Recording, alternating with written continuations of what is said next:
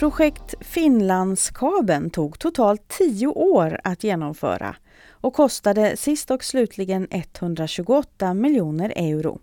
Reserven som ger oss ström om något skulle hända med Sverigekabeln.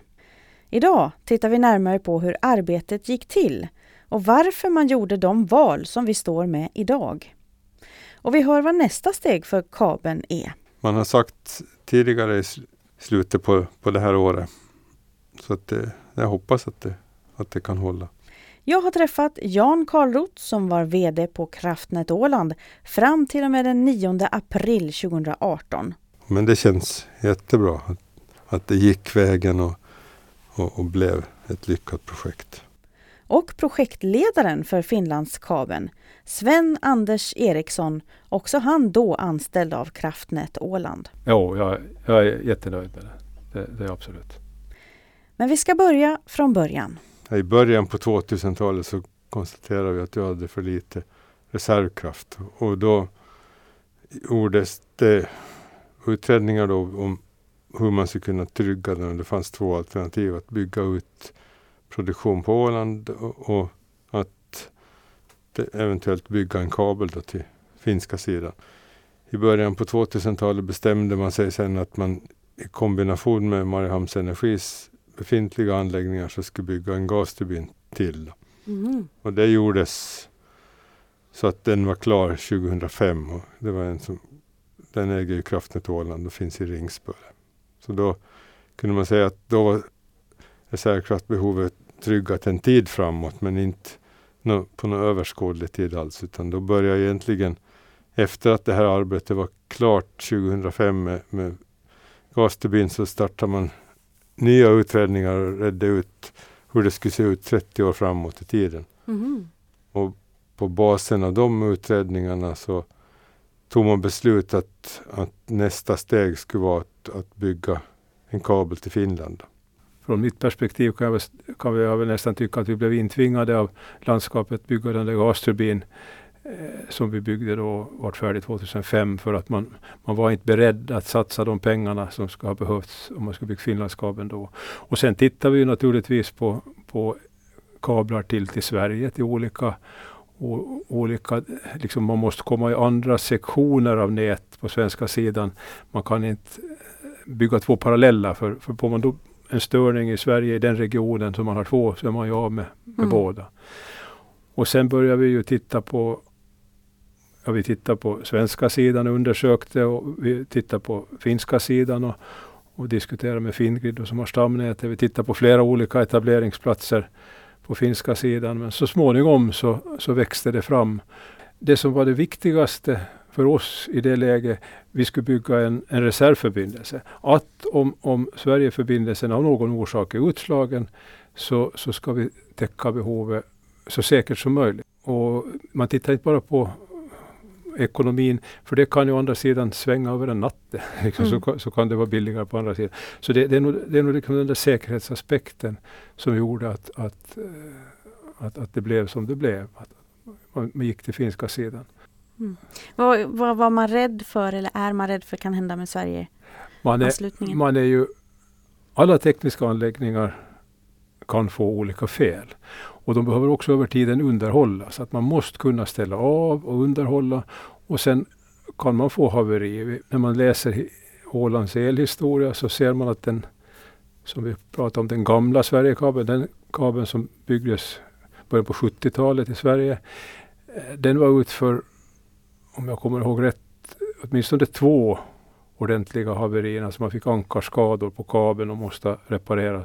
Eh, det är liksom veckolånga reparationer. Jag tänker nu när vi tittar mot framtiden och man hörde för inte så länge sedan när de sa att det är kanske inte är sån här krig på det viset som är riskabelt utan det är det teknologiska, att det finns så många olika hackers som kan trycka på och av och så. Är det också någonting ni har tagit in i beaktande? Ja, vi har ju, vi har ju en, en, en ett data, datagäng som vi säger på Kraftnät Åland som är mycket kunniga och insatta och har varit med i hela den här processen just för att säkra systemen så långt det är möjligt att, att, att man inte eh, släpper in någon i dem. Och det finns ju en sån risk och det är nog ett ett eh, arbete som de som håller på med datasäkerhet, eh, det är ett dagligt arbete helt enkelt. Att, att följa med vad som händer och vad det är för möjligheter och vad som kan hända och, och anpassa sig till, till den verklighet som råder. Liksom. Men, men eh, man har inte mm. alla äggen i en korg i alla fall. Det hölls flera informationsmöten där berörda personer fick möjlighet att ställa frågor och Sven-Anders Eriksson tycker att mötena var mycket givande. Oftast är det mycket lättare när man har kommit liksom så långt man börjar träffa folk och man börjar se. Det är ju så att de flesta människor är ändå liksom, har en konstruktiv tanke som driver dem att, att man hittar där kanske möjligheter som man inte har sett förut. Att, att de säger, men kan ni gå på den sidan istället? Kan ni spara den där skogen? Kan ni gå på den där sidan om åkrarna? Och så försöker man liksom på något sätt pussla ihop det. Att man, att man, man vill ju inte, inte har ju något intresse att förstöra. Liksom, utan, men vi måste komma fram på ett eller annat sätt. Liksom. Så, så där kommer det alla möjliga frågor. Oftast är det ju alla vill väl helst skicka över vår elledning på grannens. Det, det är väl liksom ett gru, grund. Men, men, men, när man kommer över det stadiet så är det ju att försöka hitta det som gör minst skada. Och när du pratar om det här så kommer jag att tänka på det var ganska stor kritik. Vi har långa, långa sträckor där vi går fram över åkermark. Mm.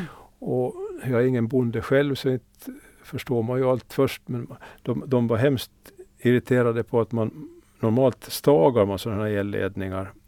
För, för att få dem att stå så måste man liksom sträcka ut linor i olika riktningar och rikta upp dem. Och då börjar man se att det där blir nog ganska mycket. Att, att finns det varianter. Vi har ju inte så stor erfarenhet av stolpbyggnad så vi började titta på kringregionerna och, och där höll, hade, höll Svenska Vattenfall på med ett projekt där man skulle bygga stagfria ledningar just med, på grund av böndernas önskemål i, i södra Sverige tror jag det startade. Mm. Så, så vi, vi, vi gick ihop med dem och tog fram en, eller vi var, vi var med tillsammans med dem och konstruerade en, en ledning. Den som nu går mellan Tingsbacka och, och ner till Ytterby. Så en, en, en, en, en fristående enstolplösning. Just för att göra så litet intrång som möjligt i, i jordbruksmark. Och den där modellen kanske fler kommer att använda sig av? Ja, den, den, mm. den, den, används eh, i, i Sverige på många projekt idag.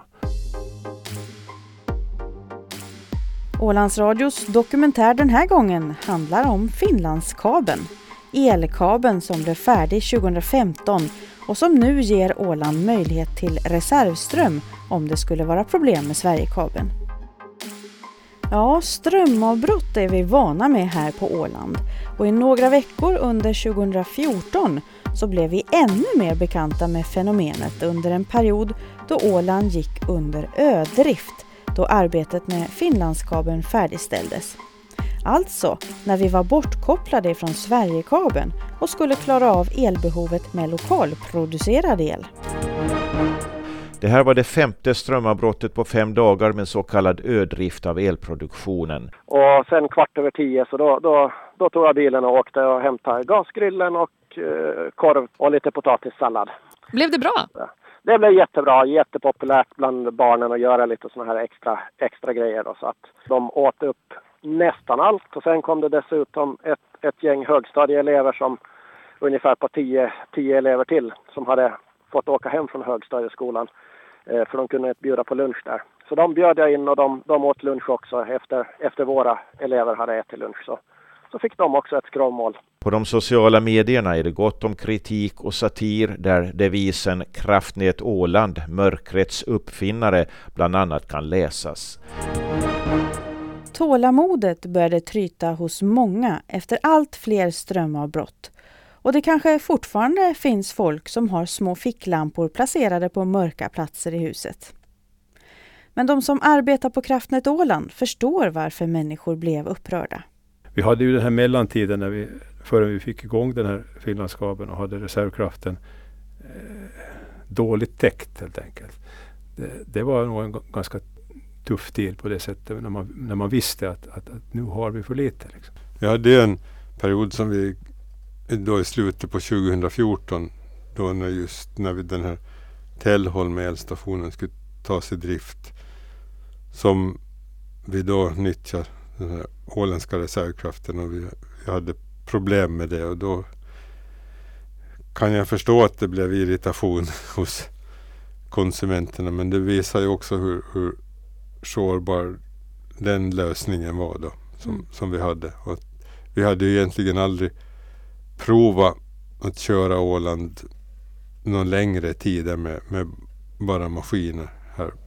Så att det, det var en nyttig erfarenhet för oss och det blev bättre och bättre med tiden. Men det, det kom ju in sådana här element som vi inte hade förutsett. Vi till exempel blev av med största, största enheten där som fick fel och måste repareras och så vidare. Så det, blev, det blev lite bekymmersamt men jag tycker ändå att, att vi fick förståelse för det här.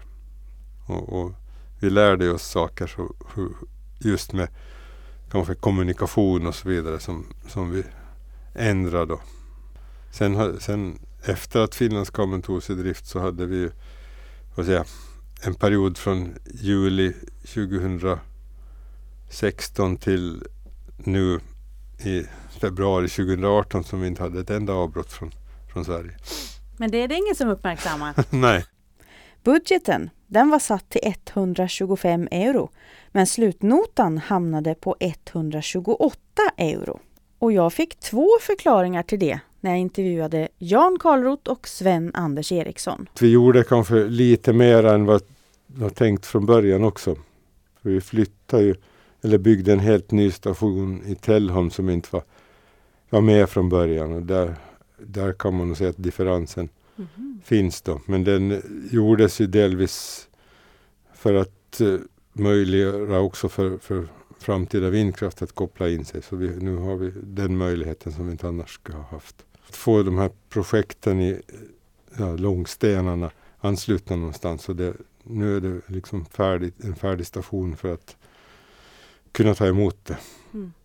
Ja, det ser ju inte så muntert ut för den delen dessvärre med stöd Nej. som har försvunnit. Då. Så, så är det ju tyvärr. Att det, det där såg ju mycket mer positivt ut då på den tiden.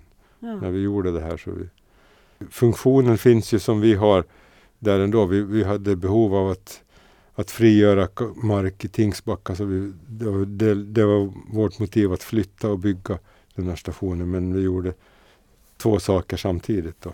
Det är klart att vi hade oförutsägbara saker, en del påslag. Det, det har man alltid i sådana projekt. Eh, det blev saker som vi, ja, no, jag vill i allra högsta grad part i målet som man kan ursäkta sig med att det var hemskt svårt eller nästan omöjligt att förutse. Eh, vi fick till exempel ett problem med ett kabeltillstånd på finska sidan, eller kabeltillståndet på hela finska sidan på grund av en, en, en myndighetsmiss i, av regionförvaltningsverket i, i, i Finland.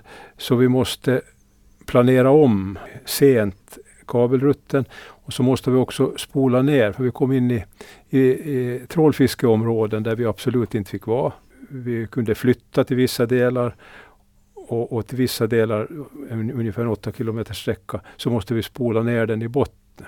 Och det var en ganska dyr operation som vi inte hade räknat med. Och vad betyder det att man går under mark? Ja, liksom under, man lägger först kabeln på sjöbotten mm. och sen med en speciell utrustning som ett, ett, ett norskt specialdykbolag hade så sprutar man undan stenar och, och lera och, så att kabeln föll ner eh, ungefär två meter mm. under, under havsytan. Så att de fick tråla över den. Annars var vi liksom mitt i tråldragen. När trålbåten kom så skulle man måste lätta på trålen. Och det har ju varit rena inkomstförlusten för dem varje gång. Så, så det var väl kanske en, eller det var en, en sak som inte fanns med från början. Och det, det att det, det, finns. Men om det var från finska myndigheters håll, varför får inte de stå för den notan då? Ja, det, det har inte från företagets sida försökt få den ersättningen som det kostar. Det sa Sven Anders Eriksson. Att sjösätta två gånger 160 kilometer elkabel på sjöbottnen och på vissa håll också ett par meter under sjöbottnen, ja det kräver precision och erfarenhet. Kabelläggningsfartyget Pleijel var tvunget att förlängas med 15 meter för att klara av de stora och tunga kabellängderna. Och just kabelnedläggningen är det som Jan Karlroth är mest nöjd med under projektet med Finlandskabeln. Det som fungerar jättebra var ju till exempel den här kabelläggningen som gjordes. Vi hade ju egentligen större problem eller stopp där utan det, det gick planenligt. Annars är det ju ganska dyrt om man hamnar på sådana här väderdagar och så vidare när man måste ligga stilla. Men vi hade, vi hade tur och, och, och fick allting att löpa som det, det skulle. Och överlag ska man säga att den här entreprenaden från ABB fungerar jättebra. Ja, för det var stora bitar kabel man la ner. De vägde massor ner i havet. Jo, och det, var ju, det gjordes ju i fyra etapper så man, man fick ju inte mera med ombord på båten utan man måste ner till eller Karlskrona och hämta, hämta kabel efter varje utlagd sektion. Då. Mm. Där gjordes i fyra delar och sen låg man och, och skarva och, och så fortsatte man nästa etapp. Mm. Och vi hade ju förberett allt på förhand så vi hade ju haft dykare och installera skydd över befintliga kablar på förhand och så vidare så att man mm. skulle få det där att, att flyta på. Det sa Jan Karlroth. Ålandsradios dokumentär den här gången handlar om Finlandskabeln. Elkabeln som blev färdig 2015 och som nu ger Åland möjlighet till reservström om det skulle vara problem med Sverigekabeln. Den 12 november 2015 så blev projektet klart, två och en halv vecka före utsatt tid. Vi fick överta anläggningen två veckor före utsatt tid. Det är ju inte riktigt alla gånger som det lyckas. Tidsplanen höll och till och med med två veckor Två veckor för, ja. ja, det är faktiskt inte ofta som det brukar bli, nej. nej, nej, men de var, de var, det var nog på grund av deras erfarenhet. Men efter ibruttagandet av Finlandskabeln så har det ändå uppstått problem. Den 20 februari 2018 gick inte Finlandskabeln igång när eltillförseln från Sverige bröts. Vi hör Jan Karlroth som var VD för Kraftnät Åland fram till april 2018. Vi har haft lite bekymmer med den här detekteringen av avbrott. Vi, vi känner igen när en, när en brytare slår ur lokalt på Åland så då, då kommer den automatiskt igång när, när Tellholmbrytaren slår ur. Men, men att känna när spänningen försvinner på svenska sidan och den ska automatiskt ta över, det har varit ett... Där, där har vi inte helt kommit i mål och eh, planerar ABB tittar på det här och, och, och kommer med ett, en komplettering som, som ska göra att vi kan kan känna igen avbrott på svenska sidan bättre och, och, och, då är ju meningen att då har vi bara här, en kort blinkning så ska man vara igång med, med Finlandskabeln när, när, när det försvinner från Sverige. Även om det rör sig om ett kortare elavbrott från Sverige? Så då kommer Finlandskabeln ja, att... Jo, det, vi kommer att göra den känsligare nu än vad den har varit. Mm. Är det de arbetena ni gör där 15 juni som är planerade? Ja, då, det är väl en konsekvens av de arbetena att först gör man de här justeringarna och ändringarna och sen vill man prova att det verkligen fungerar som man har tänkt. Då. Och det är de proverna som görs i, i juni. Mm. När tror du att vi är klara och att alla problem är lösta? Ja, det här, det här hoppas vi att vi löser på det här sättet nu. Det, det gör vi. Vi kan inte täcka in alla bekymmer. Det kan blir ändå så att, att vi måste manuellt starta den vid vissa tillfällen. För den, den kan inte känna igen alla, alla avbrottssituationer. Mm. Men att det, det är ett mindre bekymmer. Den finns ju tillgänglig och kan startas. Så att det, det är det viktigaste. Nu går projekt Finlandskabeln in i nästa steg, nämligen att el överförs eller transisteras mellan Sverige och Finland via Åland. Det var inte en del av ursprungsplanen, men den möjligheten fanns med när kabeln byggdes. Den där transiteringsbiten är ju någonting som inte fanns med. Det fanns med som en möjlighet. Men, men valet av Finlandsförbindelsen hade blivit vad den har blivit oberoende av transiteringsmöjligheten. Eftersom det, här, det finns ett underskott på finska sidan så är priset också högre där så man kan hjälpa till och, och föra in kraft till Finland med Finlandskabeln och Sverigekabeln. Så det är också en, en tanke där. Från Åland eller från Sverige? Från Sverige. Jaha. Var det tanken från början? Nej, men det, det finns ju den möjligheten nu och vi har det, det kan också ge liksom ett litet tillskott till, till Kraftnät Åland som dämpar den här kostnaden för, för Finlandskabeln. Hur mycket kan man ta i avgift för transiteringen? Det man gör är att man, man får mellanskillnaden mellan finska och svenska priser. Och det tillfaller Kraftnät Åland då. Och sen mm. ska man dra bort kostnader för, för förluster och så vidare som, som blir när man för över elen. Mm. Men så då kan man alltså koppla ihop Finlandskabeln med Sverigekabeln då, jo. på Åland. Och, men det måste ni ha räknat med att jo, jo. kunna göra när ni gjorde det här? Det gör vi. Ja. vi jo. Så därför har ni byggt lite extra mycket också då kan man säga? Nej, det har vi inte gjort. Vi har nog mm. byggt för, efter det åländska behovet. Mm. Så det, det, har, det har vi inte. Vi, har inte. vi tog inte det där i beaktande när vi började. Men för då såg vi inte den här prisskillnaden. Men den har uppkommit nu när när det här Olkiluoto har blivit så försenat så, så har liksom effektunderskottet också minst, eller ökat på finska sidan. Prisskillnaden. Har, har, ni redan hört att de har varit intresserade? Jo, de är intresserade. Den här transiteringen kommer nog att komma igång. Sen är det frågan om omfattningen. Det beror ju på vad, hur stor prisskillnad det är. När det är intressant att, att nyttja den och så vidare. Så det, det kommer den så då har den ju en, en extra funktion. Och, och, den är ju också dimensionerad för 100 megawatts last på Åland och nu har vi vår topplast var 75 så den klarar sig ju ganska långt fram i tiden också. Mm. Det, det, tror jag. Så att den, den har ju mera kapacitet än, än Sverigekabeln. Så att den, den, vi räknade ju då när vi byggde den att den skulle klara 30 år framåt i tiden. Och det tror du att den gör? Ja, det hoppas jag. Mm. Det tror jag nog att den gör.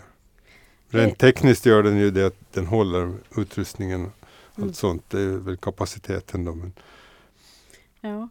Eh, när tror du, vilket datum kan vi säga ungefär att eh, vi börjar använda kablarna för transitering? Ja, man har sagt tidigare i slutet på, på det här året. Så att det, jag hoppas att det, att det kan hålla. Jag vet att det har varit, ja, jag vet att det har varit diskussioner med, med Svenska kraftnät men där var jag inte med nu så att sista rapporten har jag inte. Mm. Gör det någonting åt eh, konsumenternas elräkning? Kommer vi att märka det riktigt? Mm, ja, det hoppas jag att det blir en, en vad säga, kostnadsreduktion. Mm. Så, så att då, då ska det synas på elräkningen. Nu har vi också fryst vårt pris i, till 2021. Så vi, har, vi kommer inte att höja i alla fall fram till dess. Mm. Och det gäller både fasta och rörliga? Jo, det, det som är våra tariffer. Nej, jo, alltså grunden är, mm. är samma. Just så det har, och det har vi det har vi ända till 2021. För vi, landskapsregeringen har ju beviljat ett stöd då på 800 000 euro i år mot att vi håller tillbaks mm. höjningar på elräkningen. Det sa Jan Karlroth. Ålandsradios dokumentär den här gången handlar om Finlandskabeln. Sven Anders Eriksson är pensionär sedan två år tillbaka men jobbade före dess 35 år i den åländska elbranschen och han har gjort en intressant iakttagelse. Jag började 13 april 81 började jobba på Ålands kraftverk. Och när jag slutade nu för snart två år sedan så hade energiförbrukningen på Åland tredubblats. Mm. Det tycker jag är ganska intressant. Jag menar så jävla gammal är jag väl ändå inte. Men det, är liksom en tre, tredubbling av, av, mm. av, av energiförbrukningen. Hur ser då framtiden ut för Finlandskabeln? Men också Sverigekabeln och de lokala elförsörjningsmöjligheterna? Sverigekabeln då, vad tror du om dess framtid? Börjar det snart bli dags att titta Ja, där är det väl där är det väl skäl att börja fundera om framtiden. Den byggdes ju år 2000, eller togs i drift år 2000. Så det, Mm. där, rent tekniskt lever den ju en längre tid framåt ännu. Men om man räknar med att vi börjar med det här 2006 med Finlandskabelprojektet och, och var klara då 2015. Mm. Så det snart börjar det dags att projektera, projektera på det också. Det, ja, i alla fall Mm. titta på vilka möjligheter det, det finns. Jag var med och reparerade den gamla Sverigekabeln, den som, som lades 70. Och vad som har hänt dramatiskt på de åren då, från det man la Sverigekabeln 1970 tills man la den här 2000, så är de undersökningsmetoder för att leta bra bottnar där kabeln kan ligga. Liksom där man, man vill helst lägga en kabel på lerbotten, mjuk, mjuk lerbotten. Om det bara är möjligt och, och att, den, att den ligger bra. Så själva de undersökningsmetoderna har utvecklats enormt. Och, och, och sen har också möjligheterna när man lägger ut kabel, att man verkligen kan lägga dem där man har planerat dem.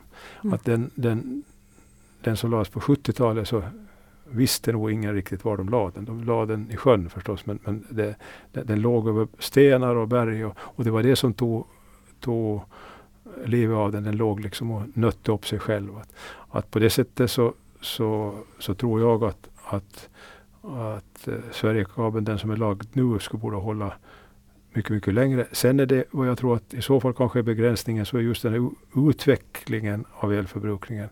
Att, att den gör att man måste byta ut den. Det kanske kommer fortare än, än, att man får liksom Mm. mekaniska problem med själva kabeln. Vad tror du eh, för framtiden om med just Finlandskabeln? Kommer vi att kunna nyttja den så länge som det är sagt? Och, Vi räknar ju då när vi byggde den att den skulle klara 30 år framåt i tiden. och det tror du att den gör? Ja, det hoppas jag. Mm. Det tror jag nog att den gör. Rent tekniskt gör den ju det att den håller utrustningen Mm. allt sånt. Det är väl kapaciteten då. Men Och de här gasturbinerna som vi tidigare haft som reserv här på Åland, vad händer med dem då? ja, vår gasturbin blir ju kvar. Vi har, vi har också ett avtal med, med svensk, finska stamnätsbolaget och svenska stamnätsbolaget att, vi ska, att de ska ha tillgång till den vid, när, när det är effektbrist så, så ska vi kunna kompensera med, med, med den. Att vi tar ner lasten på Åland. Och sen har vi nyligen köpt Mariehamns Energis ena gasturbin i Mm. Tingsbacka. Så den blir kvar. Den andra är såld och bortförd. Och, och, och dieslarna, ena är till salu och den andra finns kvar då, Mariehamns Energis dieslar. Om någonting skulle hända båda kablarna, klarar vi oss någonting på Åland själva då? Ja, idag ska vi klara oss. Mm. En sån här varm dag. Ja. ja, ja, men en vinterdag, Nej, det går inte. det går inte. Nej. Mm. Och för din del så börjar alltså projektet är ju egentligen avslutat. Nu jobbar du bara kvar lite grann för att du vill hålla på att säga, för du har väl egentligen gått i pension? Ja, jag kommer väl att, jag har, Nu har jag semester och kommer att gå i, i pension här i, i augusti. Men du har avgått som VD för Kraftnät Åland. min efterträdare har börjat, Christian Augustsson. Så han, Mm. han finns på plats. Hur känns det att ha det här stora projektet i ryggen? Liksom? Att det var du som såg till att det blev klart? Ja, det känns ju jättebra. Men vi var ju, vi var ju flera stycken. som Sven-Anders Eriksson var ju projektledare och hade en stor del av att det här projektet lyckades bra. Och, och vi hade ju också Henrik Sandqvist som pro- projektingenjör som var hela tiden inblandad. Så vi, var, vi tre var, var kontinuerligt inkopplade på projektet. Men det känns jättebra att, att det gick vägen och, och, och blev ett lyckat projekt. Ja, jag är väl mest glad att, att vi fick att vi lyckades ro i land hela projektet. Och sen att vi fick en, en bra leverantör. Och sen har vi haft tur många gånger i, i valet av konsulter och, och, och, och olika hjälp som vi har behövt. Det finns många människor som har ställt upp långt utöver vad man skulle behöva göra för, för, att man jobbar med sådana här projekt. många av sådana här viktiga funktioner hade vi tur att vi fick bra folk med oss. Det, det, det är nog, när jag tittar tillbaka på det så är det det jag tänker på. Du har lyssnat till en dokumentär om projekt Finlandskabeln. Jag som heter Josefina Jansson hade intervjuat den tidigare vdn för Kraftnät Åland, Jan Karlroth, och Kraftnät Ålands projektledare för Finlandskabeln, Sven Anders Eriksson.